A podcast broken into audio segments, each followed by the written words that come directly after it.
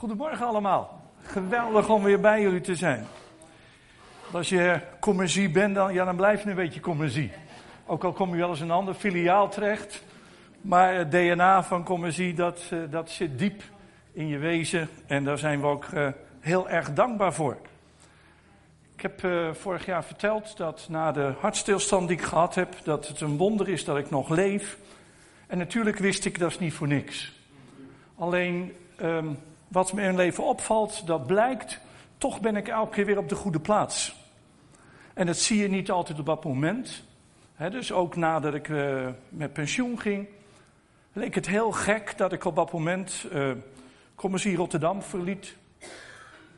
En anderen zeiden, ja, waarom doe je dat nou? Zijn er problemen? Ik zeg, nee, er bestaat geen geweldige band aan Cornelis. En wij zijn al jaren vrienden, dus er is helemaal niks. Is er dan echt niks? Ik zeg, nee.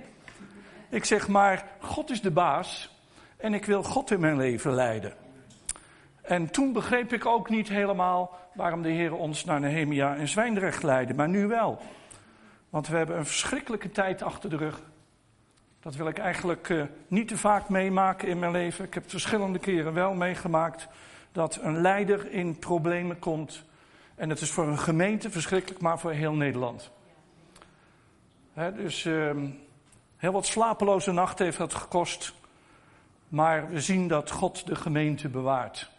En het wonder is, terwijl we dus een gemeente zijn die net aan het komen zijn uit een periode van heel veel problemen, hadden we een enter the family. Dat wil zeggen dus de nieuwe mensen die lid worden. Maar de 50 mensen die lid van de gemeente willen worden. Nou, dat is, dat, is toch niet normaal. Terwijl je net uit problemen komt, zegt 50 mensen, wij willen bij jullie horen. En het hele wonderlijke was, toen we moeilijke dingen moesten vertellen, toen dacht ik, nou, dat is, iedereen is helemaal perplex. Kwam daarna de dienstenvrouw naar me voor. Hij zegt, ik wil juist lid van jullie gemeente worden. Want hoe jullie met problemen omgaan, daar wil ik bij horen. Ja, dat vind ik geweldig. He? Dus voor God is niets onmogelijk. En dat weten we allemaal. Maar om dat steeds opnieuw te ervaren. En we zien wel hoe dat uh, verder allemaal gaat. En uh, ja, de moeilijkste dingen in je leven, die leidt God vaak toch weer tot hele bijzondere zegeningen. Zou jij, uh, juist. We hebben vorige avondmaal met elkaar, en ik heb een preek genoemd, samen eten van hetzelfde brood. Er zijn kerken waar men geen avondmaal viert. En je mag best weten, soms heb ik er ook zelf heel veel problemen mee. Want we praten over een maaltijd, maar als ik bij iemand kom eten en dat is alles wat ik te eten krijg, dan denk ik, die zit in problemen. Want eten is gewoon ongelooflijk gezellig. En dat heb ik niet van Nederlanders geleerd, dat heb ik van buitenlanders geleerd. Maar avondmaal, ik vind het altijd zo karig. Je zegt dat je bij elkaar hoort en dan een klein stukje brood en een beker en dat is het dan. En dan zeg je dat, eh, dat, dat is feest. Maar dat komt omdat wij de achtergronden er niet van begrijpen. En daarom wil ik vanmorgen gewoon eens eerst wat principes neerleggen over het avondmaal. Want het avondmaal is heel erg belangrijk. Want misschien vraag je af, is dat nou nodig om elke keer terug te kijken op wat Jezus op Golgotha gedaan heeft? Nee, menselijk gezien niet. Want iedereen die moeilijke dingen in zijn leven heeft meegemaakt, wil die daar constant over praten? Nee, daar wil je niet meer over praten. Je gaat over 30 jaar, ga je niet zitten praten over de moeilijke dingen die je meegemaakt hebt toen je 10 of die je 20 was. Dat wil je achter je laten. Maar dan ken je Gods principes niet. Want bij God is het zo dat de, de dikste nacht in je leven is God in staat om te vormen tot grootste overwinning in je leven. En het valt me op dat door het, het psychologische denken wij vaak neergezet worden dat wij een slachtoffer zijn. Maar dat hadden we daarvoor gedroomd. Want we zijn kinderen van de levende God. En als er moeilijke dingen in mijn leven gebeuren, het laat de grootheid van God zien. En dat is belangrijk, daarom ook als we avondmaal vieren. Avondmaal vieren is niet alleen historisch terugzien, maar het is net als bij Simpson. Hij heeft meer vijanden verslagen toen hij doodging dan in zijn hele leven. Terwijl hij er heel wat verslagen heeft. Nou, God is in staat in uw en mijn leven van de zwartste dagen van je leven de mooiste dagen te maken. En dat weet ik door het avondmaal. Avondmaal doet mij terugdenken. Kijk, terugdenken is afschuwelijk als je niet genezen bent. Maar terugdenken is geweldig als je weet waar je uitkomt en als je weet waar je nu staat. En door de genade van God waar die je gebracht heeft. En daarom zullen we vanmorgen ook met elkaar zien. Avondmaal is niet alleen terugzien naar de moeite die het Jezus allemaal gekost heeft. Maar we mogen feest vieren over de gevolgen die het voor ons leven heeft. En die zijn geweldig. Dat zijn echt bofkonten wat dat betreft. We gaan met elkaar wat lezen uit Lucas 22. Als ik af en toe wat enthousiast overkom, dan denkt u, oh, die man komt het Zwijndrecht, dus dat is duidelijk.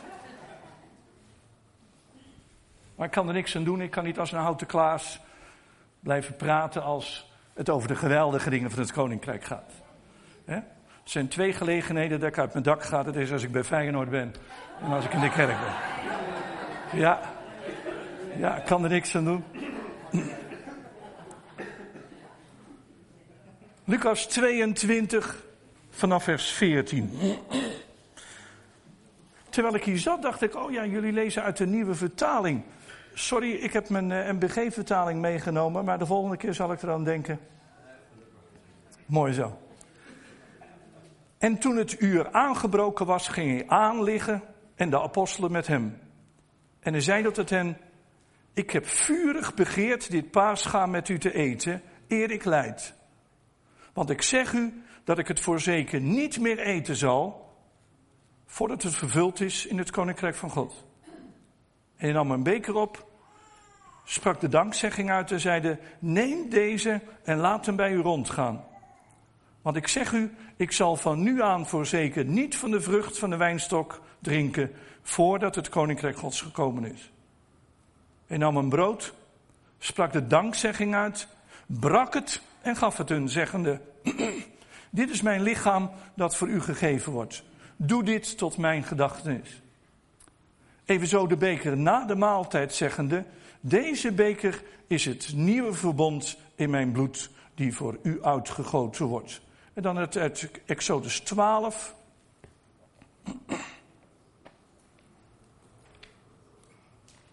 Exodus 12, het duurt te lang om dat hele gedeelte te lezen, maar ik wil wel een paar gedeelten laten zien hoe belangrijk dat is voor het avondmaal. Ik zat dus 12 vanaf vers 1. De Heer zeide tot Mozes en tot de Aaron in het land Egypte. Deze maand zal u het begin der maanden zijn. Sommige vertalingen zeggen het hoofd van de maanden zijn. Dus zal u de eerste der maanden van het jaar zijn. Spreek tot de gehele vergadering van Israël als volgt. Op de tiende van deze maand zal ieder voor zich een stuk kleinvee nemen. Van milies gewijs. Een stuk kleinvee per gezin. Maar indien een gezin te klein is voor een stuk kleinvee, dan zullen hij en de naaste buurman van zijn gezin er een nemen. Naar het aantal personen. Gij zult er bij het stuk kleinvee rekenen met ieders behoefte. Een gaaf, mannelijk, eenjarig stuk kleinvee moet ge nemen. Gij kunt het nemen van de schapen of van de geiten. En gij zult het bewaren tot de veertiende dag van deze maand. Dan zal de gehele vergadering der gemeente van Israël het slachten in de avondschemering. Vervolgens zal men van het bloed nemen en dit strijken aan de beide deurposten en aan de bovendorpel. Aan die huizen waarin men het eet. Het vlees zullen zij dezelfde nacht eten. Ze zullen het eten op het vuur gebraden met ongezuurde of broden benevens bittere kruiden. Rauw of gaar gekookt in water zult ge het niet eten. Slechts op het vuur gebraden, met kop, schenkels en ingewanden. Gij zult ervan niets overlaten tot de morgen. Wat er van overblijft tot de morgen, dat zult gij met het vuur verbranden. Even kijken, vers 13. En het bloed zal u dienen als een teken aan de huizen waar gij zijt. En wanneer ik het bloed zie, dan ga ik u voorbij. Al dus zal er geen verdervende plaag onder u zijn wanneer ik het land Egypte sla. En deze dag zal u een gedenkdag zijn. Ge zult hem vieren als een feest voor de Heere. Uw geslachten zult gij hem als een altoos durende inzetting vieren. Zeven dagen zult gij ongezuurde broden eten. Dadelijk op de eerste dag zult gij het vuur, het zuurdeeg uit uw huizen verwijderen. Want ieder die iets gezuurds eet, van de eerste tot de zevende dag, zo iemand zal uit Israël worden uitgeroeid. Het volgende plaatje. Eigenlijk begrijpen wij van het avondmaal niks als we niet teruggrijpen naar de bron ervan. Want toen Jezus het avondmaal instelde, was hij bezig met zijn discipelen om het paascha te vieren. Of zoals de nieuwe vertaling dat zegt, het Hebreeuwse woord Pesach. En dat woord Pesach, Pascha, dat betekent voorbijgaan, overslaan. Dus Jezus vierde het avondmaal, maar eigenlijk had het als achtergrond, Exodus 12, het vieren van het Pascha. Volgende plaatje. Nou, wat vierde men bij het Pascha? Nou, dat was de uittocht van Egypte. Israël had 400 jaar geleefd in Egypte, in slavernij, en ze werden onderdrukt. Maar God heeft hen op een krachtige wijze bevrijd en hen teruggeland, gebracht naar het land dat hij beloofd had. En dan geeft hij het volk Israël de opdracht om elk jaar dit feest te vieren. Want dit is hun geboortefeest. Wat het wonderlijk ook, ook is bij de Joden. Wij zijn in 2016, maar de Joden tellen anders. En weet je waar ze beginnen te tellen? Bij de uittocht uit Egypte. Daarom zijn de Joden ook vandaag aan de dag. Ik dacht dat het was het jaar 5700 en dan nog wat. Dus hun leven gaat terug tot de uittocht uit Egypte. Daar is het begonnen. En daar moesten ze constant aan blijven denken. Want waar je vandaan komt, dat zijn je wortels. En heel veel mensen vergeten hun wortels. Maar je moet je wortels nooit vergeten. En al 5700 zoveel jaren vieren de Joden tot vandaag aan de dag de Exodus. De uittocht uit Egypte. Als een gedenkdag. En met dankbaarheid moesten ze daar aan terugdenken. Je zou eigenlijk kunnen zeggen, zonder de uittocht uit Egypte hadden ze gewoon niet geleefd. Het was het grootste bewijs van de genade van God. Daarom beginnen de tien geboden ook. Ik ben de Heere uw God, die uit het diensthuis geleid heeft, uit Egypte. En dat kom je de hele Bijbel tegen. God grijpt zelf elke keer terug op dat feit. En dat feit, dat maakt hen tot een volk. Het volgende plaatje. Als u tijd heeft, moet u uh, Exodus nog maar eens een keer gaan lezen. En dan zie je dat de farao gewoon een despoot was. Hij onderdrukte de Joden, hij onderdrukte de Israëlieten. En hij behandelde ze alsof ze zijn bezit waren. Alleen waren de Joden het bezit van de farao? Nee, ze waren van de God van Israël. Maar de omstandigheden waren dusdanig dat ze slaven leken van de farao. Maar God is machtiger dan de farao. En daarom zegt Exodus 12, vers 12 ook dat God het oordeel zal uitvoeren aan alle goden van Egypte. En het wonderlijke is dat God zelfs de onverzettelijkheid van Farao gebruikt om een wonder te doen. Wij denken dat tegenstand ons leven kapot maakt. En God zegt, zelfs de onverzettelijkheid van een mens kan ik gebruiken om mijn plannen door te zetten. Volgende plaatje. En de Joden die moesten een lam nemen. De Bijbel zegt of van een schaap of van een geit, afhankelijk van de rijkdom die de mensen hadden. En het moest een eenjarig lam zijn. gaaf. In Malachi zegt God, weet je wat jullie doen? Jullie geven een offer, maar jullie geven een vooi. Of jullie geven een lam wat een manke poot heeft. Maar een offer is niet om iets beschadigds te geven. Een offer is om een gave offer te geven. Waar niets aan ontbreekt. Wat perfect is. Dat offer je en dat geef je. En dan ook nog een mannelijk lam. En God weet wat hij doet. Weet je, ik hou van de Bijbel. Weet je waarom? Als je Jezus gaat leren kennen, dan denk je: Oh, Exodus 12, perfect. Toen al wist God waar hij over praatte. Jezaja 53, perfect. Toen wist hij al waar hij over praatte. En hij praatte over Jezus. Een gaaf, onberispelijk lam. Mannelijk, krachtig, sterk. Wij hebben gedacht dat mensen die in de kerk leiding geven, ja, dat zijn een beetje watjes, weet je wel. Ze deugen ergens anders voor. Ja, dan denken ze, nou ja, ga maar, eh, ga maar voorganger worden. Ga maar priester worden. Ga maar studeren. Dan deug ik in ieder geval ergens voor. Maar het is een totaal verkeerd idee. Want God wil laten zien wat Hij doet, dat het geweldig is. En dat is niet zomaar een beetje gerommel in de marge, maar een lam wordt genomen in de bloei van zijn leven. Het volgende plaatje. Nou, dat lam dat moest geslacht worden. En zoals vandaag aan de dag de Joden en de moslims ritueel slachten. En er wordt allemaal idioot over gedaan, maar ze weten beter vaak dan wij hoe dingen zitten. Ze worden, niet zomaar gekild, maar er wordt over nagedacht hoe het een, een snee gegeven wordt bij de keel waar bloed uit tevoorschijn komt. Als een teken wat God eigenlijk wilde doen met Jezus Christus.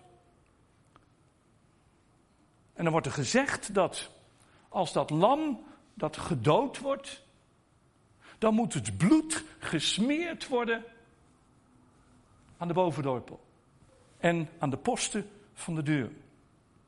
Dus eigenlijk ging een ander dood. Ik denk dat wij vaak um, genade niet kunnen begrijpen als we het oordeel niet begrijpen. Kijk, iemand die altijd in rijkdom geleefd heeft, die kan zeggen: Oh, ik ben God zo dankbaar. Ja, je makkelijk praten, je weet gewoon niet beter. Maar iemand die uit de goot komt, als die met de genade van God in aanraking komt, die snapt wat genade is. Want zijn leven is gewoon wat hij is dankzij de genade van Jezus Christus. En het is met het oordeel precies hetzelfde. Wij zijn bang voor het oordeel. Maar daar hoeven niet bang voor te zijn door de genade van Jezus Christus. En daarom zegt Exodus 12 ook dat God door het volk zal gaan met een verderfengel, de engel van de dood. Openbaring 9 noemt een Apollyon. En die engel, die gaat mensen neerslaan. En het oordeel voert hij uit. Maar de Heer laat niet zomaar zijn kinderen delen in het oordeel, wat helemaal niet voor hem bestemd is. Dus je zegt, als jullie nou dat bloed van het lam, als je dat nou aan de bovendorpel en de deurposten smeert, dan zal ik jullie overslaan.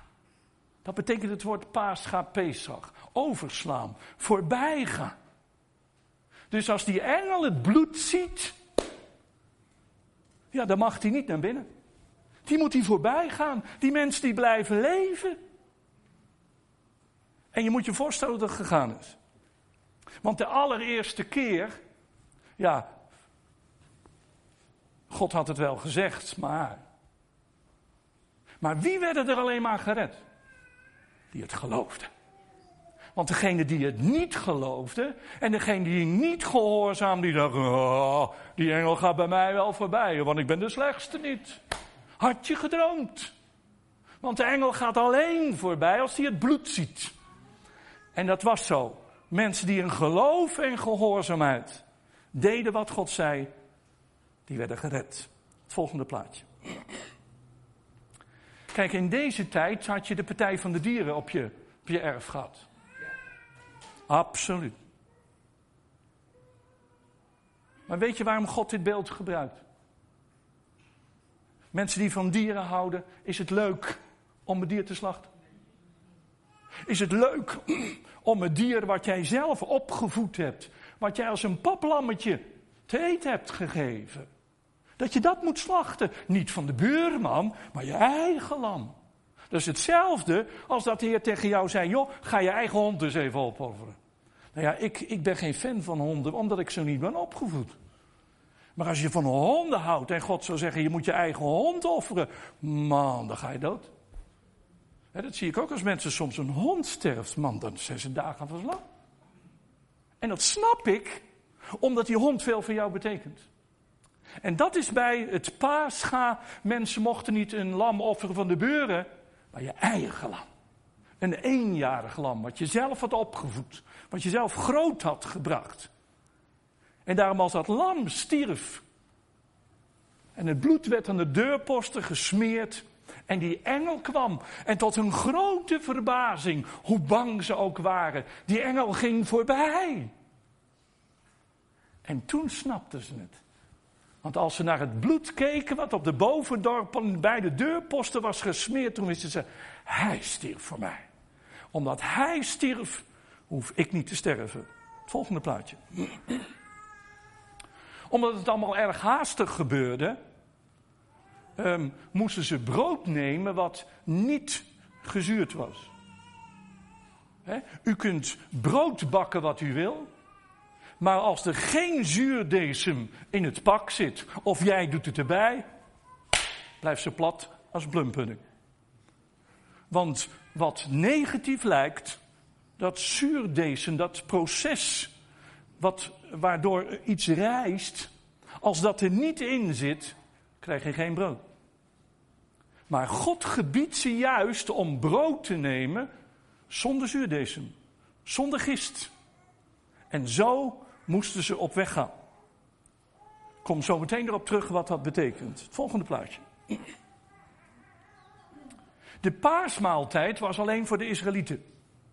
Vreemdelingen en onbesnedenen mochten niet mee eten.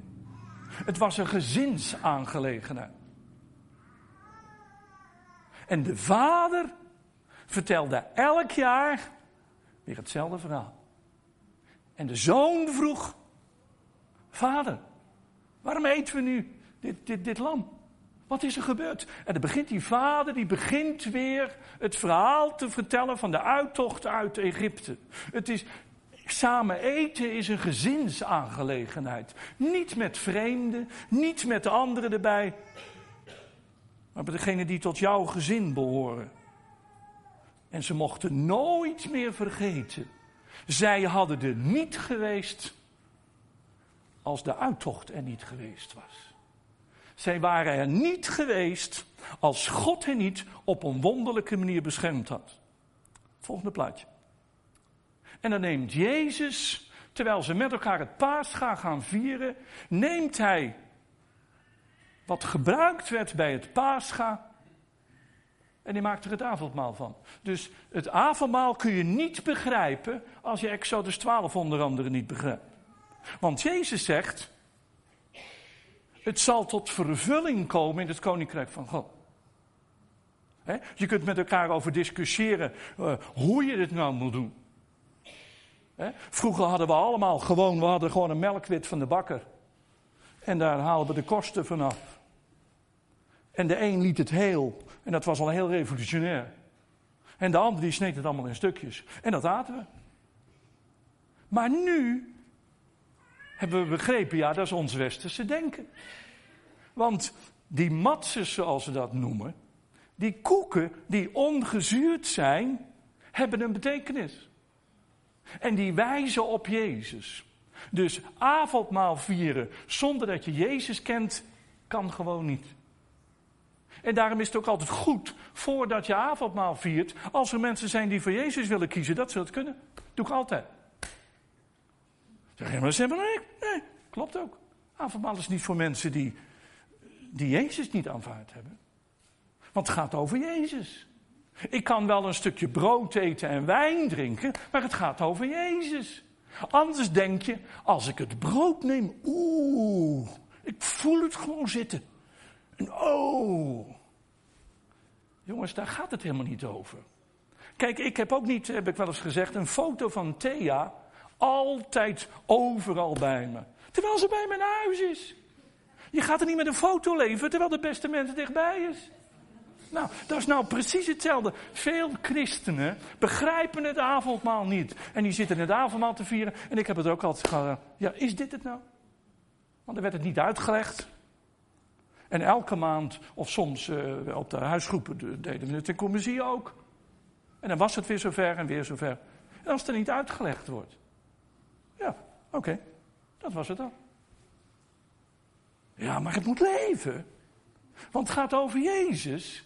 Het vindt zijn vervulling in Jezus. Jezus zegt: Ik heb verlangd dit paasgaat te vieren voordat ik ga lijden. Volgende plaatje. Want Jezus is het paaslam. 1 Korinthe 5 zegt zo mooi: Ons paaslam is geslacht. Jezus Christus, de Zoon van de levende God. Weet je wat het waarloze bij de Joden was? Welk feest was er toen Jezus stierf op Golgotha? Pascha. Terwijl al die Joden, alle vaders aan het vertellen waren wat er in Egypte gebeurd was, stierf Jezus aan het kruis. En er was er geen één die begreep, daar gaat het over. Het gaat niet over dat eenjarige lam. Het gaat niet over de bekers die we drinken. Het gaat over Jezus. Maar Jezus stierf op Golgotha, terwijl iedereen zijn gezicht voor hem verborg. En dacht, met die kerel wil ik niks te maken hebben. En wel, maar met elkaar wel vieren. Maar het ging om Jezus. Alles gaat altijd over Jezus. Wanneer we Jezus buitenspel zetten, zet je alles buitenspel. Want Jezus stierf van het kruis van Golgotha als het lam van God. Ons paaslam is geslacht. Jezus Christus. En waarom dan? Volgende plaatje. Dit is het geheim. Ben je dat billboard wel eens een keer tegengekomen? Dan rij je op de weg en dan zie je hele grote reclames. Maar weet je wat er vanmorgen gebeurt als jij op die weg rijdt? Is een heel groot billboard. En weet je wat erop staat? Ik mis je. God. Dat is de reden dat hij zijn zoon niet sterven. Omdat hij jou mist.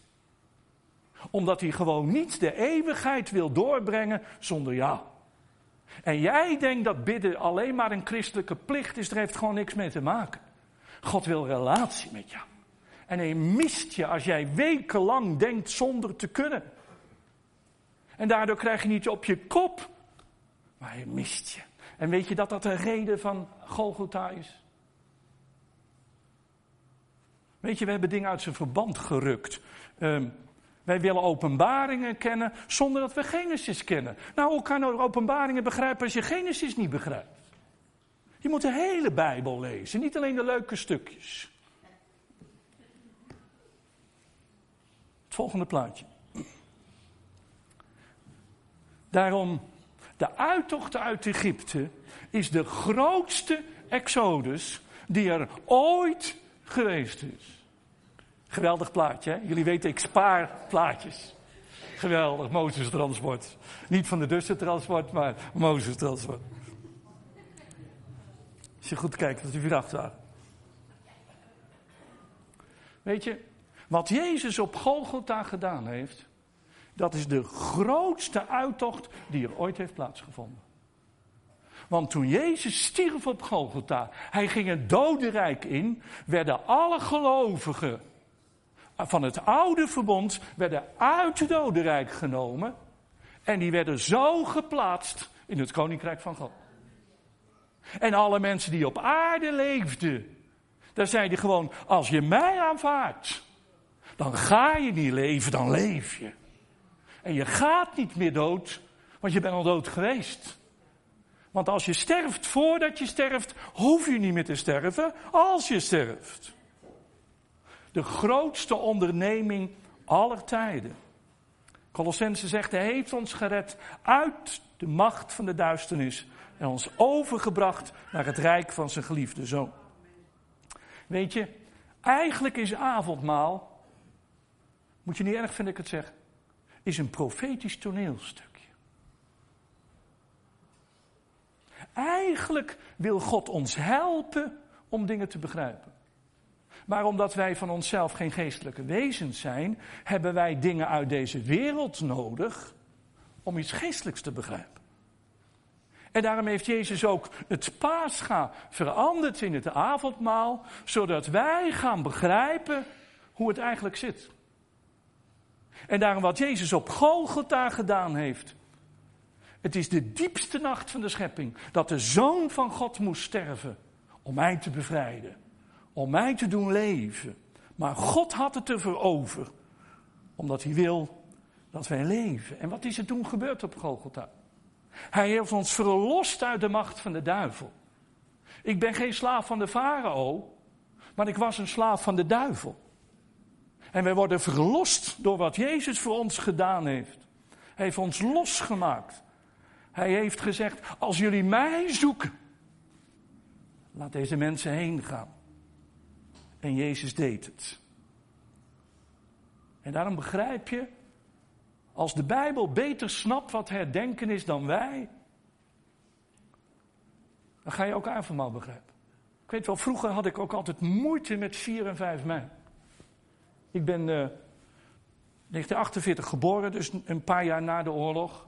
En ik weet wel dat mijn uh, directeur van de basisschool, dat hij altijd hele uh, spannende verhalen vertelde over de oorlog. En mijn vader heeft ook een paar keer wat verteld wat hij meegemaakt heeft. Nou, dat was dan de oorlog voor mij. Maar ik vond het altijd zo gek. Ik woonde in Ede. Man, gingen die mensen allemaal zo droevig naar het mausoleum toe. Ik begreep er niks van. Ik wil niet met doden leven. Ik wil met levenden leven. Maar die herdenking klopt wel. Ik wist niet wat het was. Want die herdenking was nodig om te gaan begrijpen wat het een andere generatie gekost heeft om mij vrij te laten zijn. En wij als Nederlanders kunnen zo leven omdat er in 4045 een generatie geweest is die zijn leven heeft gegeven. Zodat zijn kinderen kunnen leven en dat wij kunnen leven. Dus met avondmaal precies hetzelfde. Het is niet alleen een historisch teruggrijpen, maar het is de grootste gebeurtenis aller tijden. En als ik dat niet begrijp, begrijp ik niks van het leven. En ik ga niet elke keer bij het avondmaal denken wat Jezus voor mij deed, alleen maar hoe erg het allemaal was. Maar als hij niet voor mij gestorven was, had ik hier vandaag niet gestaan. Of ik was een conferencier. Of een clown. Of weet ik wat. Volgende plaatje. Daarom, wie is de gastheer bij het avondmaal? Nou, dat is Jezus. Het grappige is ook, de vader neemt de centrale rol in in het gezin, ook bij het vieren van het avondmaal. Niet de moeder, niet de buurman, maar de vader was de gastheer. En daarom nodigt Jezus ook zijn discipelen uit om met hem samen avondmaal te vieren. En hij is de gastheer. Hij nodigt ze uit. En hij zegt, kom maar. Ik ga jullie uitleggen wat het betekent waarom het avondmaal ingesteld gaat worden. Dus vanmorgen is Jezus de gastheer. Dus jullie worden allemaal uitgenodigd om deel te hebben aan het avondmaal. Weet je wat het waardeloze is? Wij hebben altijd praktische problemen. Maar alle symboliek is kwijt. Want weet je dat het zo goed is dat je beseft dat Jezus de gastheer is. En daarom is het in sommige kerken zo als je deel wil hebben aan het avondmaal, moet je naar voren komen. En er zit wat in. Want dat betekent, je doet er wat voor. Je gaat op de uitnodiging van de gastheer in en het is niet even snel. En je geeft het aan een ander, maar Jezus geeft. Hij is de gastheer. En wij zijn zo vaak met allerlei dingen gewend geraakt dat we het doorgeven voordat we het door hebben. En we hebben het weggeslikt voordat we snappen waar het eigenlijk over gaat. Maar het heeft te maken dat Jezus je uitnodigt. Want Jezus weet beter wat Golgotha betekent dan de duivel en de kinderen van God. Want Jezus weet dat Golgotha is eens en voor altijd. En wij denken, Golgotha, dat moet je herhalen. Golgotha, noem maar op allemaal. We kunnen erover zwijmelen. Maar Golgotha is een daad eens en voor altijd. En die daad van eens en voor altijd heeft al meer dan 2000 jaar effect. Ook voor u en mijn leven. En hij nodigt je uit. Je komt aan het avondmaal. En helaas moeten we het zo doen vanmorgen. Maar het zou toch geweldig zijn als we met elkaar in, een, in een grote zaal. Bart, het is wat man.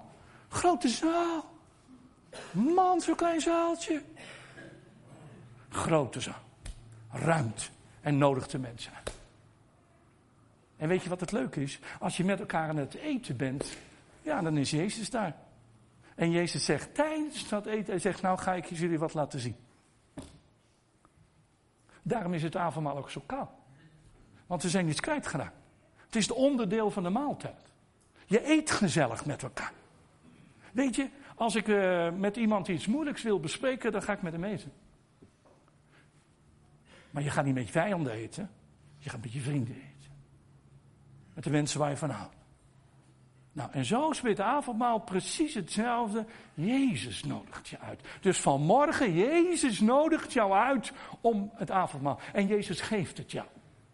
En dat er toevallig dan, uh, dan broeder die of broeder die is of zuster die, dat maakt niet uit. Maar Jezus geeft het jou. Dat is al heel anders. Het volgende plaatje. Weet je, het is je geboortefeest. Avondmaal vieren is je geboortefeest vieren. Waarom is het nou zo dat je altijd je verjaardag viert? Dat woord verjaardag ook alweer. Je geboortefeest. Waarom is het goed om je geboortefeest te vieren? Je mag er zijn. Er is feest omdat je er bent. Oh, ik wou dat ik nooit geboren was. Jij snapt er helemaal niks van. Want dat hebben mensen je wijs gemaakt. Die hebben je wijs gemaakt dat je er beter niet had kunnen zijn. Maar geboren worden is een feest. Vanaf dat moment ben je er. En alles wat je vandaag bent, is begonnen met je geboorte. En dat is bij ons precies hetzelfde.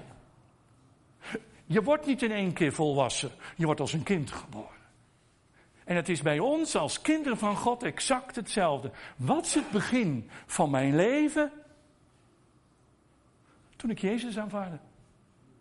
Toen ik Jezus aanvaarde, dat Hij voor mij aan het kruis gegaan is, dat Zijn bloed gevloeid heeft voor mij en dat ik een nieuwe schepping mag worden, dat is mijn geboortefeest. Daar is begonnen. En God zegt, dat moet je nooit meer vergeten. Want je bent niet toevallig op deze wereld gekomen. En je bent niet gekomen omdat je vader en moeder niet beter wisten. Maar ik heb je gewild. En je geboortefeest moet je vieren. En weet je wat veel christenen doen? Die vergeten wie ze waren en vergeten wie ze vandaag zijn. Het is zo goed om te weten in wat voor rotzooi je gezeten heeft, maar nou te zeggen, maar ik ben een nieuwe schepping. Ik was een verschrikkelijk mens en mijn huwelijk was een puinhoop, maar nou, ik ben een nieuwe schepping. Ik ben een ander mens geworden. Dat is je geboorte. En dat vier je met avondmaal. Daarom avondmaal is gewoon geen saaie bedoeling. Maar het is vieren. Dus uit je dak gaan. Weet je wat alleen het waardeloos is? Ik ben uh, kerkelijk opgevoed. Nou, avondmaal. Oh. Het leek of nog een begrafenis toch? Hè? Een paar durfden. En degene die durfde. Oh jongens, ik zal het niet nadoen. Want dat, dat lijkt alsof ik ze een beetje voor gek zet. En dat doe ik niet. Maar het is wat? Het is, het is niet normaal. Zo ernstig. Doodstil. Doodstil. Maar ik wil eens weer een keer bij jou kijken als jij een feest viert. Ik dacht dat Limburgers feest konden vieren. Wat gebeurt er als een Limburger feest viert? Is het dan stil? Niet alleen door de alcohol, hè? in onze kerk hadden ze ervan gemaakt. Avondmaal. Oh, stil, stil. Ja, ik vond het gewoon eng. Maar het is een feest. Het is je geboortefeest. Elke keer als je avondmaal viert, gedenk je het wonder. Dat jij een nieuwe schepping bent geworden. Wat je leven ook was, wat er in je leven ook gebeurd is. Weet je, zoveel mensen blijven maar stilstaan bij het feit dat een ander gezegd heeft dat je niet geboren had moeten worden. Maar ik vier avondmaal. Ik blijf niet geloven dat ik niet geboren had moeten worden. Ik geloof wat Jezus zegt. Ik geloof dat ik een nieuwe schepping ben, dat ik er mag zijn door Zijn genade. Jezus is het fundament. Ik ben geen slaaf meer, ik ben vrij. Ik ben niet meer een oude sloeber, ik ben een kind van God. Een heilige, een rechtvaardige. En dat is het geweldige. Avondmaal vieren is een feest. Hoe je dat ook wel inkleden, daar denken jullie maar over na. Jullie doen het maar op zo'n Limburgs. Geen probleem. Doe het maar. Het volgende plaatje. Gedenken. Jezus zegt: Doe het tot mijn gedachtenis. Dus Jezus is degene om wie het draait. Bij het is het vaak dat wij proberen iets te versieren omdat we wat willen beleven. Maar avondmaal gaat niet over mij, het gaat over Jezus. Het richt mijn aandacht op Jezus. Het hele leven is gericht op Kwatta. Maar hier niet. Hier is het op Jezus gericht. En als je de hele week met jezelf bent bezig geweest en een vier avondmaal, denk je, oh ja, dat is waar. Dacht dat het koninkrijk om mij draaide. Maar het draait niet om jou. Het gaat om Jezus. Je verkondigt altijd Jezus. Je verkondigt de dood van Jezus. Hij gaf zijn leven voor jou. Daarom avondmaal vieren is geweldig. Opnieuw verklaren. Weet je dat ik het anders vergeet? Toen wij hierheen reden, uh, zijn liederen die ik erg mooi van, vind. En uh, er was een lied over mercy. En dan is het refreintje, never lose the wonder. En dat is het. Wij moeten nooit het wonder kwijtraken. Van mijn behoud en van mijn redding en van Golgotha. En weet je wat er bij christenen gebeurt? Ze gaan een kerk en dan gaan ze zitten en over twintig jaar zitten ze nog. Maar je bent in de kerk gekomen om te blijven zitten. Je moet nooit het wonder vergeten. Wat Jezus voor jou gedaan heeft. En dat je mag leven. En als een ander tegen jou zegt dat je de slechtste mens van de wereld bent. Het zal allemaal wel. Maar door Jezus Christus kan ik een nieuwe schepping worden. Ik mag leven. En dat maakt het geweldig. En daarom, heel Limburg zou ik graag hier zien. Want ik gun het iedereen. En bij het avondmaal gedenk je dat. Doe je dat tot zijn gedachtenis, totdat hij komt. Want waarom zou je er anders mee bezig blijven? Het volgende plaatje. Nou, dat zei ik net al. Het avondmaal is een feestkleed. En wat doe jij als je naar een feest toe gaat? Ja, trek je een feestkleed aan. Dat snappen wij tegenwoordig ook niet meer. Als we naar een feest gaan, ja, dan uh, gaan we met een oude spijkerbroek met gaten en met rafels eraan. Ja, mijn kleindochter ook. Ze zegt, opa, wat vind je van mijn broek? Ik zeg, dat gat is wel erg groot. Is die al vijf jaar oud? Nee, opa, ik heb net van de week gekocht. Oh, en dan betaal je weet ik hoeveel voor. Ik zal het bedrag niet noemen. Als je naar een feest gaat, dan trek je een feestkleed aan. Want dat hoort erbij. En dat is wat wij met elkaar opnieuw mogen gaan vinden. De kerk is niet boring, maar de kerk is geweldig. Alleen wij hebben er boring van gemaakt. Omdat we vergeten zijn het wonder wat het betekent. Wat de Heer voor ons gedaan heeft. Want ik leef niet door mijn eigen verdiensten. Je moet niet zeggen, ja, jij hebt makkelijk praten. Nee, ik heb niet makkelijk praten. Het is niet mijn verdienste, maar de verdienste van de Heer. Volgende plaatje. Nou, nou komen we erop. Waarom nou ongezuurde broden? er zitten ook plaatjes, je ziet dat er gewoon zo'n hom brood op staat. Maar waarom nou ongezuurde broden? Nou, in de Bijbel is zuurdesem het beeld van de zon. En Jezus heeft het oordeel ondergaan, zodat wij niet meer in zonde zouden leven. Dus hoe deed men dat bij het, het, volk Israël voordat het Pascha gevierd werd? Nou, van tevoren was daar de voorjaarsschoonmaak. He? Want die maand waar het gevierd wordt is meestal omstreeks de maand april. Niet helemaal hetzelfde als ons Pasen. En dat fluctueert ook nog een beetje. Maar de dagen voordat het Pascha gevierd werd, ging de vrouw van het huis, die ging overal kijken. Of er niet in elk hoekje nog een klein stukje zuurdesem te vinden was. En het servies werd uit de kast gehaald, maar nog nooit zuurdesem mee in aanraking gekomen was. En dat is een mooie gedachte. Weet je, avondmaal vieren is niet van, oh, ben ik het wel waard? Nee, je bent het niet waard. Maar weet je, hoe kunnen wij doorgaan met bewust zondigen, terwijl we deel hebben aan Jezus? Weet je, daarom, ze hebben de mensen allemaal een beetje bang gemaakt, dat je vlak voor het avondmaal, dan moet je altijd heel erg naar je zonde gaan kijken. Nee, maar je kan niet deel hebben aan het avondmaal en maar aan rotzooi in je leven. Dat kan gewoon niet. Want als Jezus het oordeel heeft gedragen, moet ik er maar aanrommelen. Weet je wat belangrijk is in het avondmaal gaat? Dat je zegt, Heer, hier ben ik. En als er zonden zijn in je leven waar je van weet, breek me.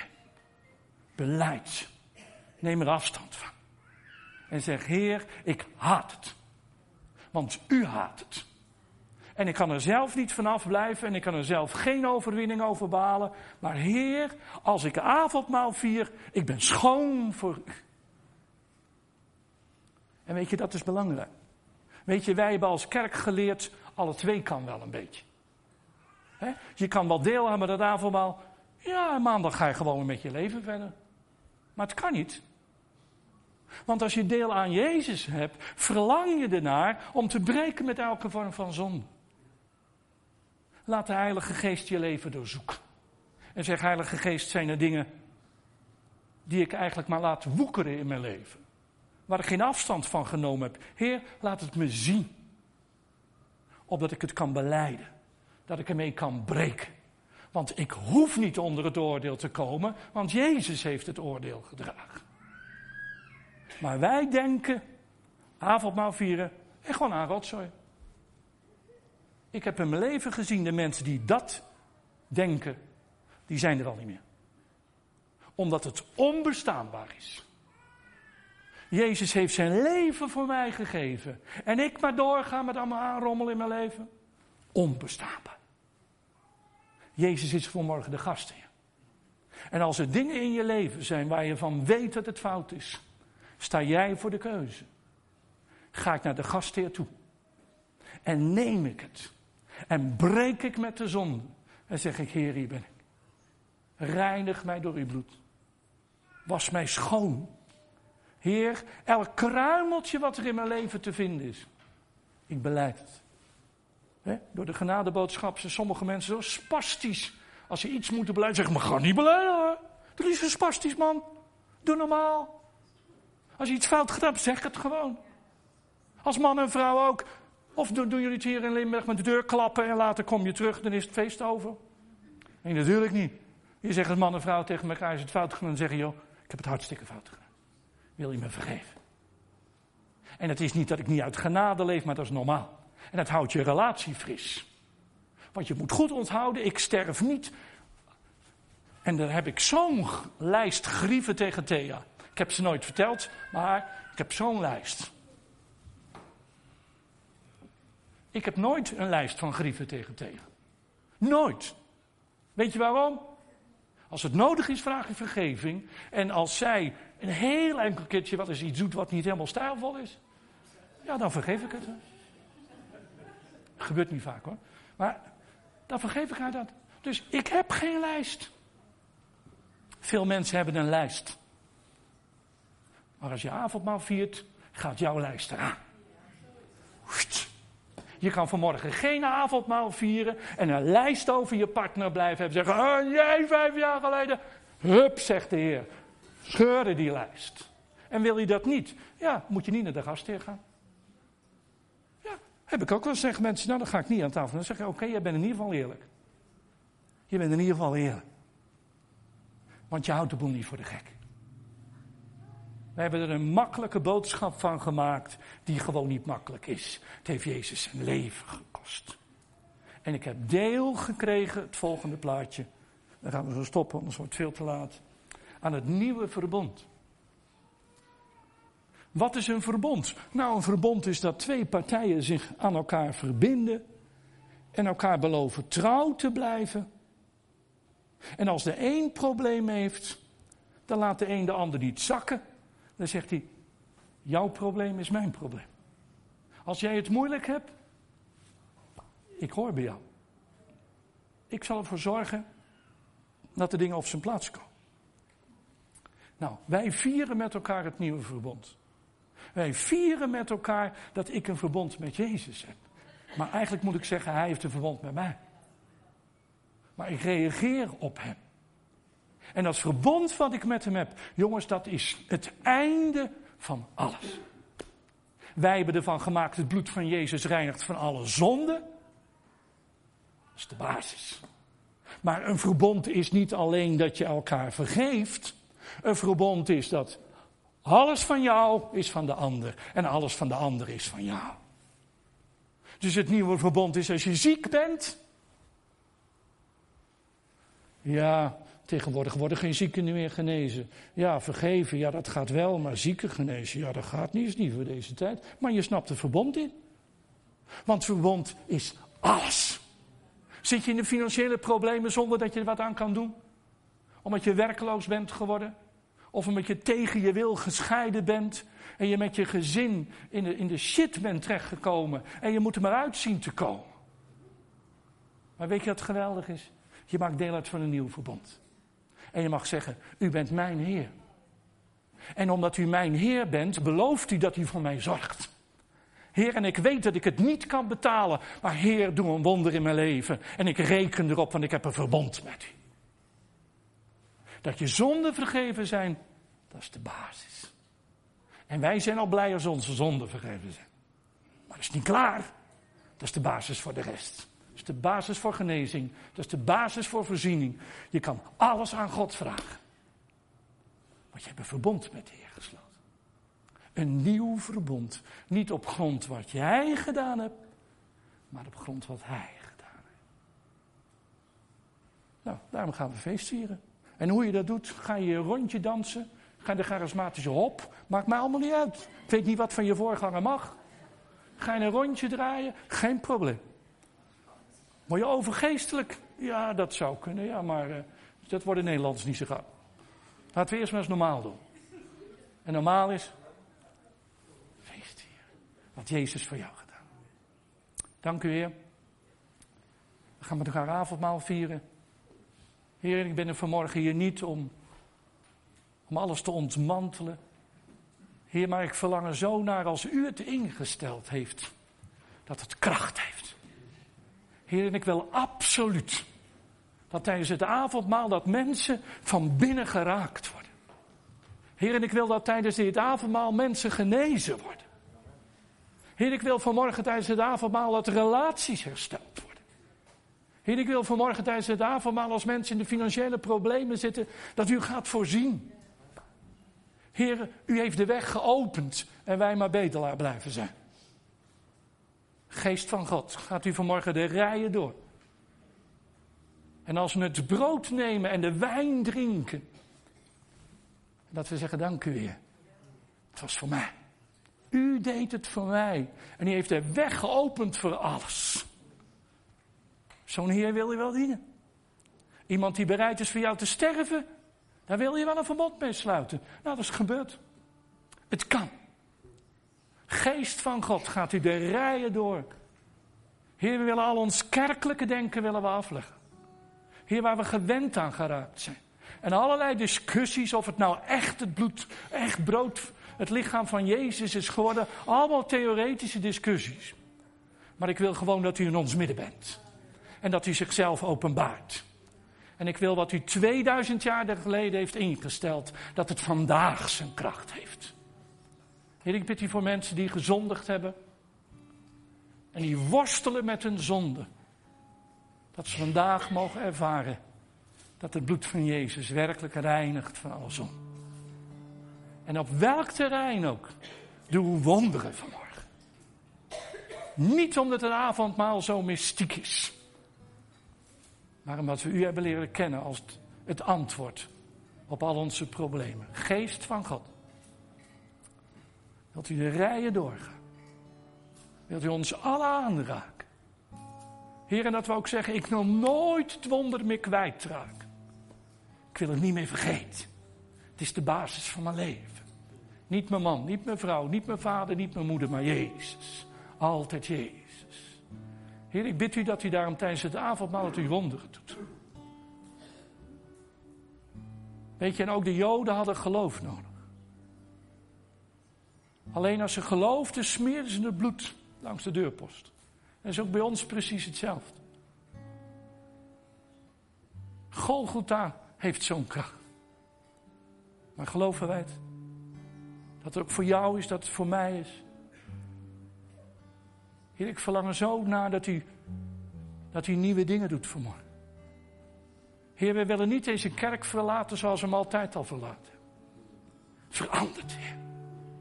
Heer, verstok de zondaars. Dat ze op hun knieën gaan. En mensen die elkaar haten, dat ze gaan liefhebben. En mensen die, die zo krampachtig met geld omgaan. Dat vrijgevige mensen gaan. Geest van God, daal neer op dit moment. En doe wonderen, Heer. En als er onder ons zijn die nog nooit hun leven aan Jezus hebben gegeven, kom naar voren. We willen graag voor je bidden. Als er mensen zijn die willen breken met zonde, concreet, knie neer voor het podium. En beleid je zon. Neem er afstand van. Waarom zou je mee aan de gang blijven? Breek me. En schaam je er niet voor. Want je hoeft niet tegen mij te zeggen. Je zegt het tegen Jezus. Heer, wat u met uw geest werkt op dit moment. En als mensen ziek zijn, Heer, dat ze niet op hun kop hoeven te gaan staan om genezen te worden. Dat ze gewoon mogen zeggen: Het is voor mij. Uw bloed was voor mij. Raak ons aan, Heer. En ik geloof erin, Heer, als we de platgetreden paadjes gaan loslaten. En als we de moed hebben om weer vers deeg te zijn. Dan zult u wonderen en tekenen doen. Zo bent u, Heer. Dank u, Heer, voor de leiders van deze kerk. Dat u hen wil gebruiken ook, Heer. Dank u, Heer, dat het mannen en vrouwen van God zijn. En die misschien niet alle dingen doen zoals het altijd gedaan is, maar deze tijd is anders. Het evangelie is hetzelfde, maar de rest is niet hetzelfde. Heer, en gebruik ze om wonderen te doen. Gebruik de jonge mensen om wonderen te doen. Waarom moeten ze op ons wachten? Dank u weer dat we in een nieuwe tijd staan. Met nieuwe dingen. Met nieuwe mogelijkheden. Nieuwe accommodatie. Heer, laat uw heerlijkheid zien. In Jezus' naam. Amén.